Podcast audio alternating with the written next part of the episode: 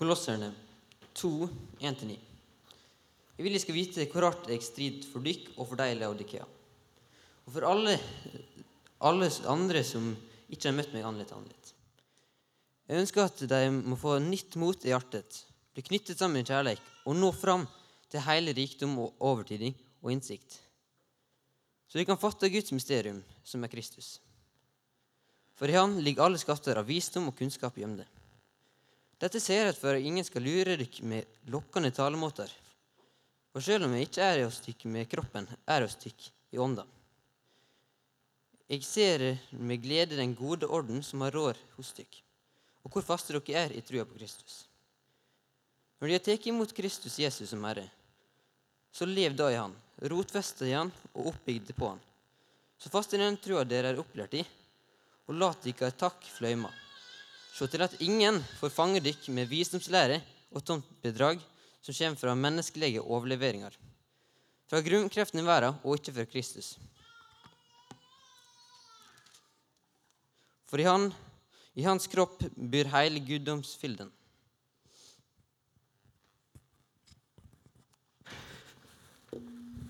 Tusen takk skal du ha. Veldig bra.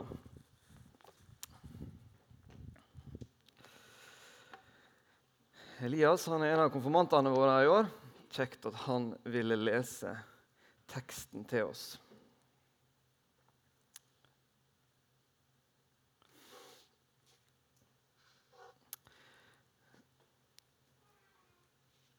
Hva er det jeg strever etter? Hva er det jeg jobber for og ønsker å skulle oppnå i livet mitt?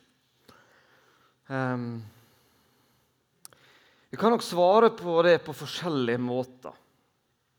Um, noen kanskje mer fromt enn andre. Men, men kanskje dette ordet 'streve' eh, stemmer. At det er noe i livet ditt som du virkelig jobber for å skulle oppnå, virkelig vil klare, eh, og at dette tar mye oppmerksomhet, tid, krefter, kanskje penger i livet ditt.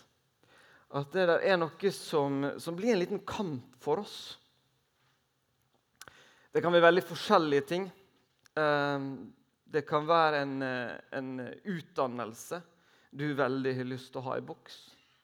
Ehm, det kan være en, en jobb, et lønnsnivå.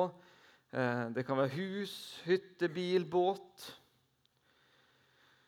Kanskje er det en kropp du vil ha, et utseende. Det kan være å nå et nytt nivå i benkpress. Det kan være ganske mye forskjellig. Kanskje at du har lyst til å, å ja, være en som virkelig kan øse ut kunnskap, bli litt kjent for å være en smarting. Um, eller kanskje, kanskje du strever for å bli godtatt. Du har så lyst til å bli godtatt av noen spesielle mennesker. Vil at de skal like deg. Um, kanskje du strever med ensomhet.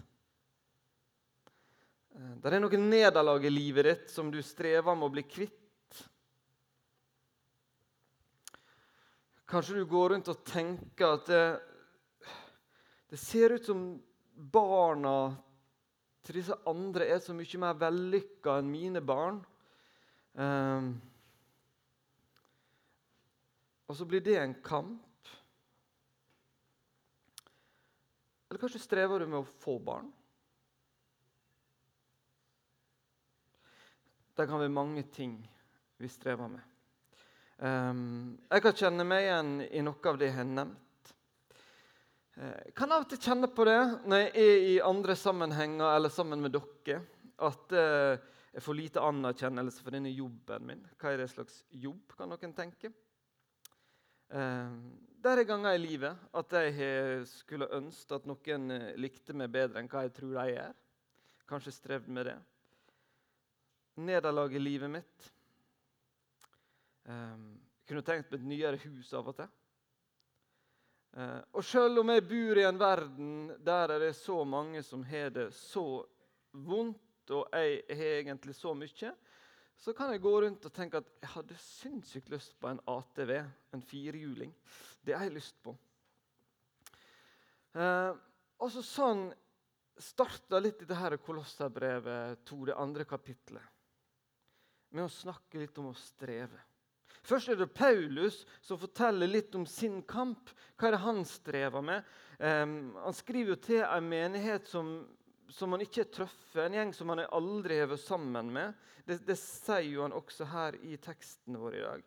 Um, han har litt behov for å, for å utdype litt sitt forhold til denne gjengen. Men, men, når vi leser om hva Paulus ønsker at denne gjengen skal få oppnå, hva, hva han vil med denne gjengen i Colosset, så, så, ser vi at dette her stemmer lite overens med disse tingene kanskje jeg strever litt med i livet mitt. Det sammenfaller dårlig. Vi skal se dette her som står i det andre verset. Jeg ønsker at de skal få nytt mot i hjertet. Bli knyttet sammen i kjærlighet og få hele rikdommen av overbevisning og innsikt, så de kan fatte Guds mysterium, som er Kristus. Det er drømmen til Paulus for denne menigheten.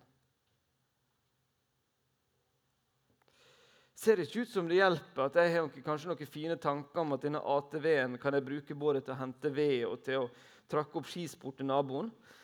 Det er ikke nevnt med et ord. Heller så står det ingenting her om god utdanning, fin jobb, hus, bil, båt. Det er utelatt.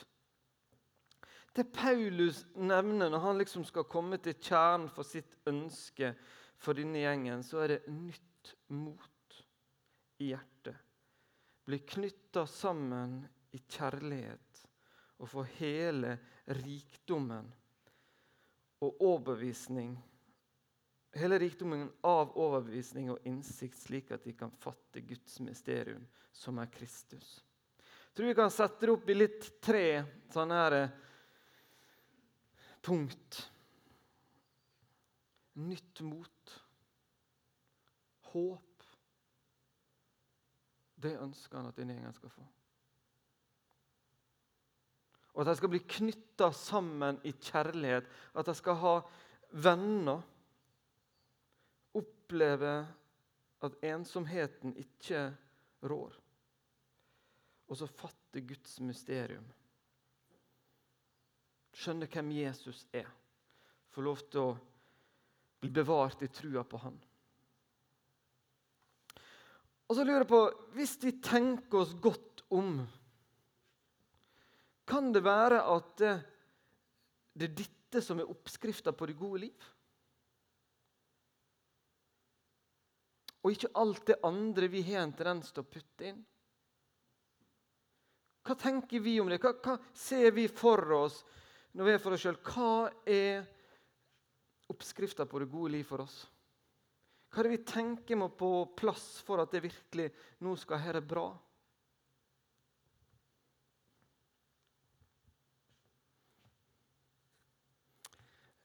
Jeg tror at Paulus har skjønt noe.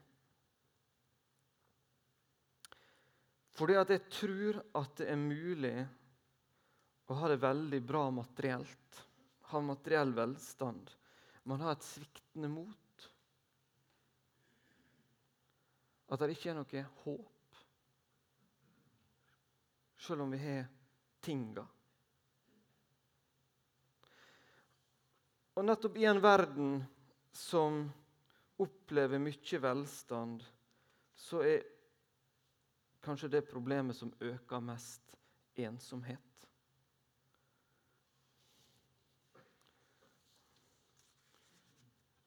Hvordan henger det sammen med det at vi tenker at denne velstanden er så viktig. Hvis noe av det grunnleggende holder på å forsvinne. Kanskje er det da faktisk ikke så dumt å spørre dette spørsmålet som vi av og til hører i media litt forskjellig rundt omkring. hvorfor har ikke vi det bedre når vi har det så godt?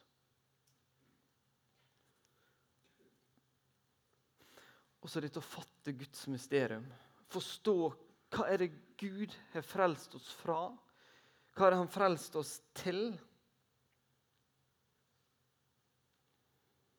Kanskje det får oss til å, å, å se på oss sjøl på en helt ny måte? Hvis vi får stå mer av hva er det Jesus har gjort for oss. Og kanskje får det til at vi ser på det rundt oss på en ny måte. Vi sang jo fint i stad denne sangen som har sitt utgangspunkt i Matteus 6,33. Søk først Guds rike og hans rettferdighet, så skal dere få alt det andre i tillegg.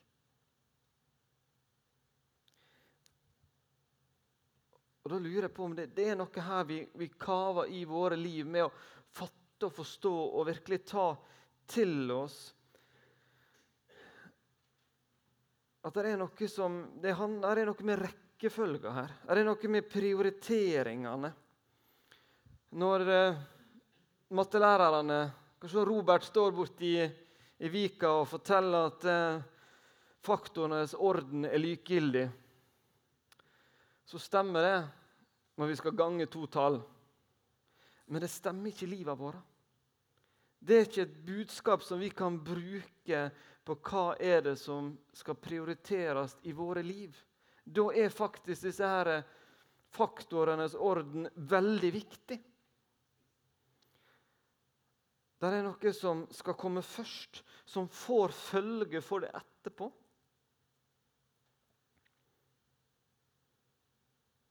Både kapittel 1, det vi jobber med Vi har jo hatt tre eh, søndager på kapittel 1. Og det vi på en måte går videre på nå, forteller oss at det er noe som er så viktig å forstå. Paulus ber sånn for denne menigheten at dere må forstå hvem Jesus er. At dere må fatte dette mysteriet. For det, det er såpass forskjellig fra det vi lærer i denne verden det som blir fortalt oss andre plasser. Så dette her må faktisk jobbes litt med for å, for å skjønne akkurat det. Men når det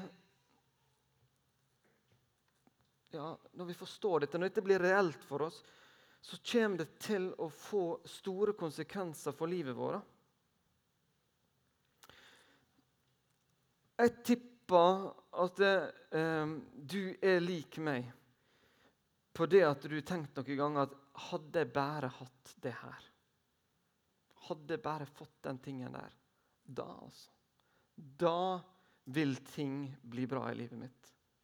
Hvis jeg kunne bare oppnådd den tingen der, da, da tror jeg jeg hadde blitt kvitt bekymringer. hadde blitt... Hvis du tenker på noen av de tingene du tenkte slik om Hvordan gikk det?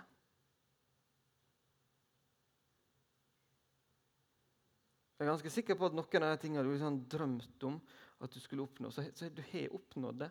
Men hva skjedde? Blei, blei det slik du trodde? Blei det den suksessen du hadde håpet på?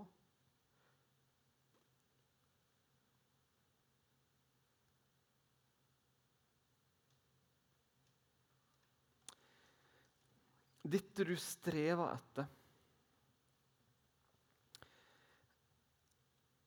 Jeg tror vi kan si det sånn at så lenge det vi strever og lengter etter å oppnå, er noe annet enn Jesus, så vil vi bli skuffa. Det fins ikke noe annet enn Jesus som kan gi oss tilfredsstillelse for disse innerste behovene som vi har. Men jeg syns dette her er vanskelig å fatte sjøl. Dette her syns jeg er, er, på en måte krevende å godta, og iallfall krevende å gjøre det til reelt i mitt liv. Jeg syns det er vanskelig å bli kvitt disse her andre tankene om, om at det, det, er noe jeg vil oppnå, og at jeg tror at det vil gjøre livet mitt veldig bra. At jeg kan bli kvitt disse her eh, lengslene som jeg kjenner på. For dette her er ganske forskjellig fra det vi lærer ellers i denne verden vi lever.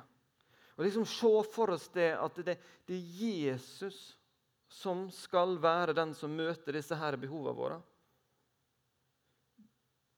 Det er ikke så lett. Og Det er litt derfor at jeg kom med denne ideen for noen uker siden at vi skal be dette her eh, verset i Kolosserne 1,9 for hverandre. Fordi at det skal dette her bli reelt for meg. Skal det, bli, skal det bli sånn at jeg virkelig tør å stole på mitt liv, at jeg skal søke Jesus først, og at det skal få lov til å endre livet mitt, så trenger jeg at dere ber for meg.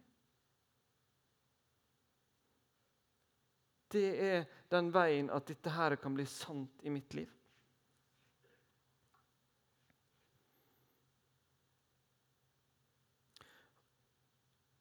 Og Dette verset i Matteus 6,33 sier jo ikke at, at vi da ikke trenger hus og bil og klær og andre ting.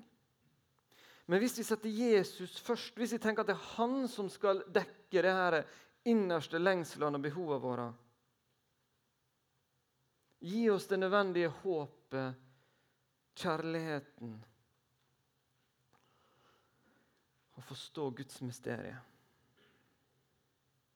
så kan hus og bil og jobb og andre ting få komme. Men da vil ikke det bli det strevet. Fordi at vi kan jobbe for å få det for at det er noe vi trenger reelt i våre liv.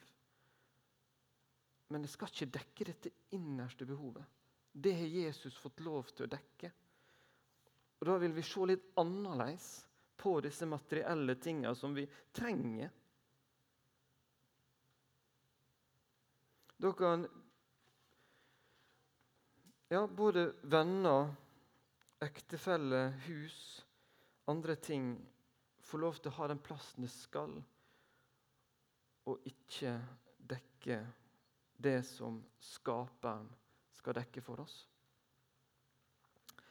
I, eh, I, et annet brev som Paulus har skrevet til en annen menighet i Efesus, så er det en bønn som ligner mye på det som vi har vært gjennom i, i Kolosserbrevet så langt. Jeg vil at vi skal bare se på den med, for den er en utrolig flott bønn. I Efeserne 3, 14-19 så skriver Paulus.: Derfor bøyer jeg mine knær for Far, Han som har gitt navn til alt som kalles Far, i himmel og på jord må Han som er så rik på herlighet, gi deres indre menneske kraft og styrke ved sin ånd. Må Kristus ved troen bo i deres hjerter, og dere stå rotfestet og grunnfestet i kjærlighet. Må dere sammen med alle de hellige bli i stand til å fatte bredden og lengden høyden og dybden å kjenne Kristi kjærlighet, som overgår all kunnskap. Må dere bli fylt av hele Guds fylde. Er ikke det fint? Av fin bønn.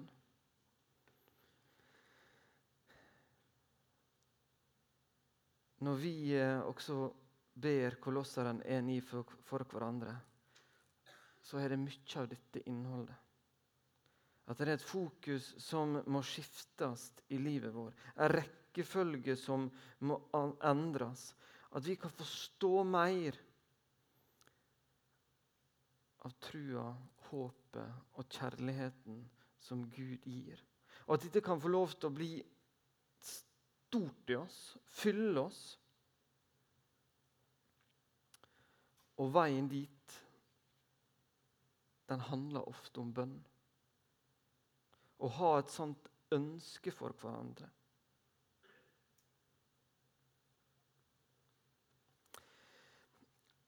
Jeg har fått opp en reklame eh, flere ganger hvis det er på, på, Facebook eller andre plasser for tida. Eh, en eller annen kar som ønsker å ha meg med på et webinar. Eh, og Målet for dette webinaret er at eh, han vil at jeg skal få lov til å oppleve å bli en bedre utgave av meg sjøl. Mm. Kanskje dere sitter og tenker at det kunne jo kanskje vært fint. At han der pastoren kunne fått en litt bedre utgave av han. Um, men uh, hva er en bedre utgave av meg?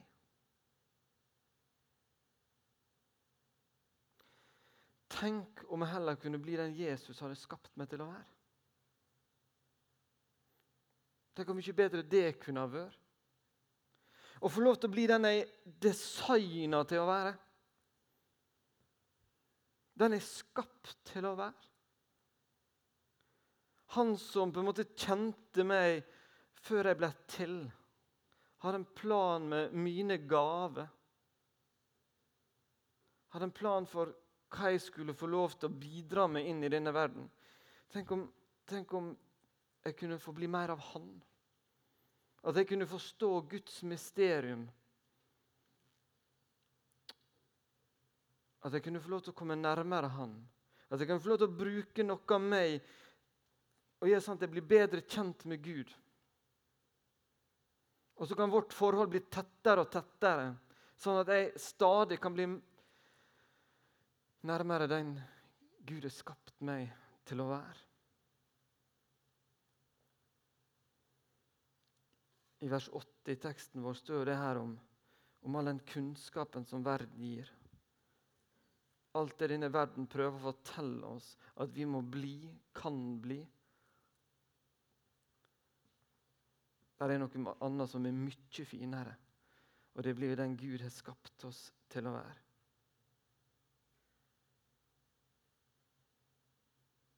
Jeg tror at da kan vi få oppleve ei tru som er sterk. Jeg tror at Da kan vi få et håp for livet vårt som virkelig kan løfte oss ut av mange av de problemene som vi opplever. Og så kan vi få noen vennskap både med Gud og med hverandre som vil være veldig viktige for oss. Jeg tror at Paulus visste hva han eh, skrev når han ga oss denne teksten. Så er det ett poeng til jeg vil ha med mot slutten. Um, som går mer på oss som fellesskap. Fordi at For noen uker siden så også oppdaga jeg en, en, video på Instagram. En som jeg kjente litt til. En pastor i uh, ei stor kirke i Lima i Peru.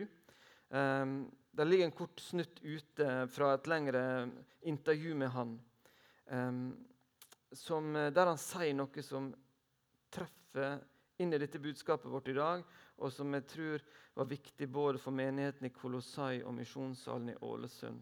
Um, Robert, som han heter, uh, sier at det, det er ei bønn som Jesus ba som fortsatt ikke er besvart.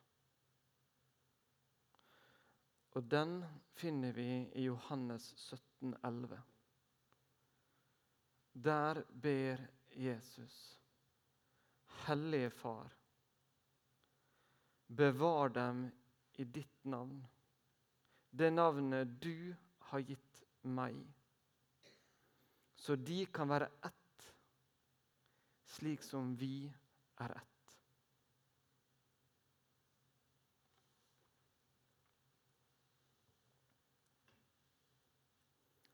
Jesus ba og ber for enheten i kirka.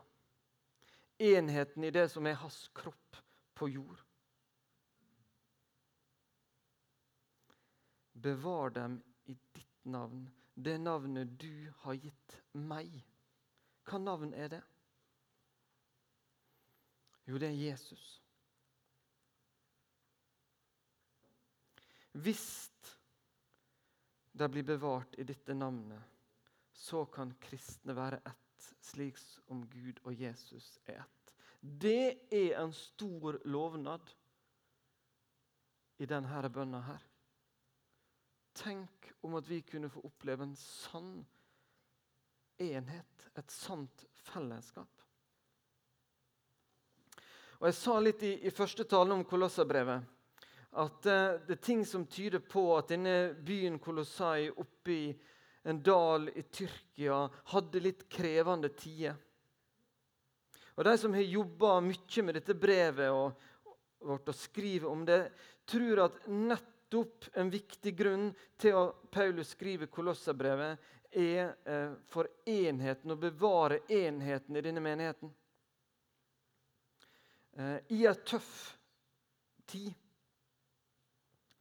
eh, i en tøff verden den gangen, så ble medlemmene utfordra av sin samtid til å velge side i forskjellige viktige spørsmål. Og kanskje oppi det her så ble dette bildet av Jesus litt falma. Og splittelsen blant dem hadde gode forutsetninger. Men da var det én medisin. Det var, og det er én ting som kan redde enhet i en menighet. Det er Guds mysterium, Jesus Kristus. For, for vi vet at det er konflikt og uenighet. Brutte relasjoner. Vonde diskusjoner. Hva er det det gjør med oss? Og det suger livsmotet ut av oss. Håpet falmer. Motet svikter.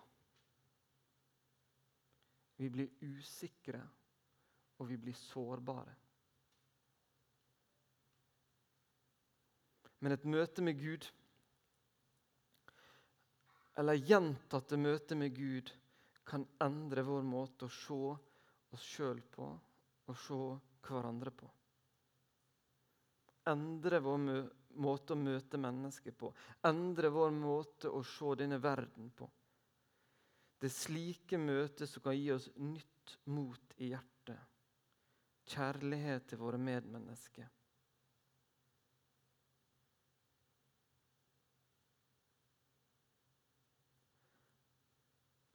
For å si det litt enkelt, men samtidig sant, så er svaret faktisk på utfordringene våre i dag Jesus.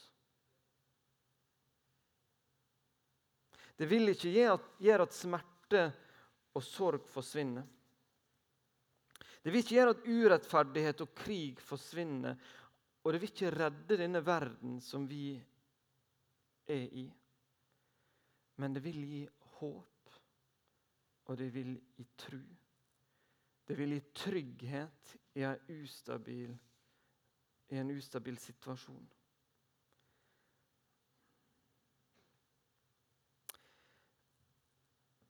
Det er derfor en grunn til at slutten av dette kjærlighetskapittelet i første Korinterbrev kan ende med Så blir de stående, disse tre. Tru, håp og kjærlighet. Men størst blant dem er kjærligheten. Det er dette et liv med Jesus vil gi. Det er dette som kan stå fast når alt annet forsvinner. Det er dette som det er verd å jobbe og streve etter. Men ikke i egen kraft, men som en gave fra Gud. Det begynner i bønn og vil vokse og utvikle seg til et liv nærmere og tettere på Jesus. Amen.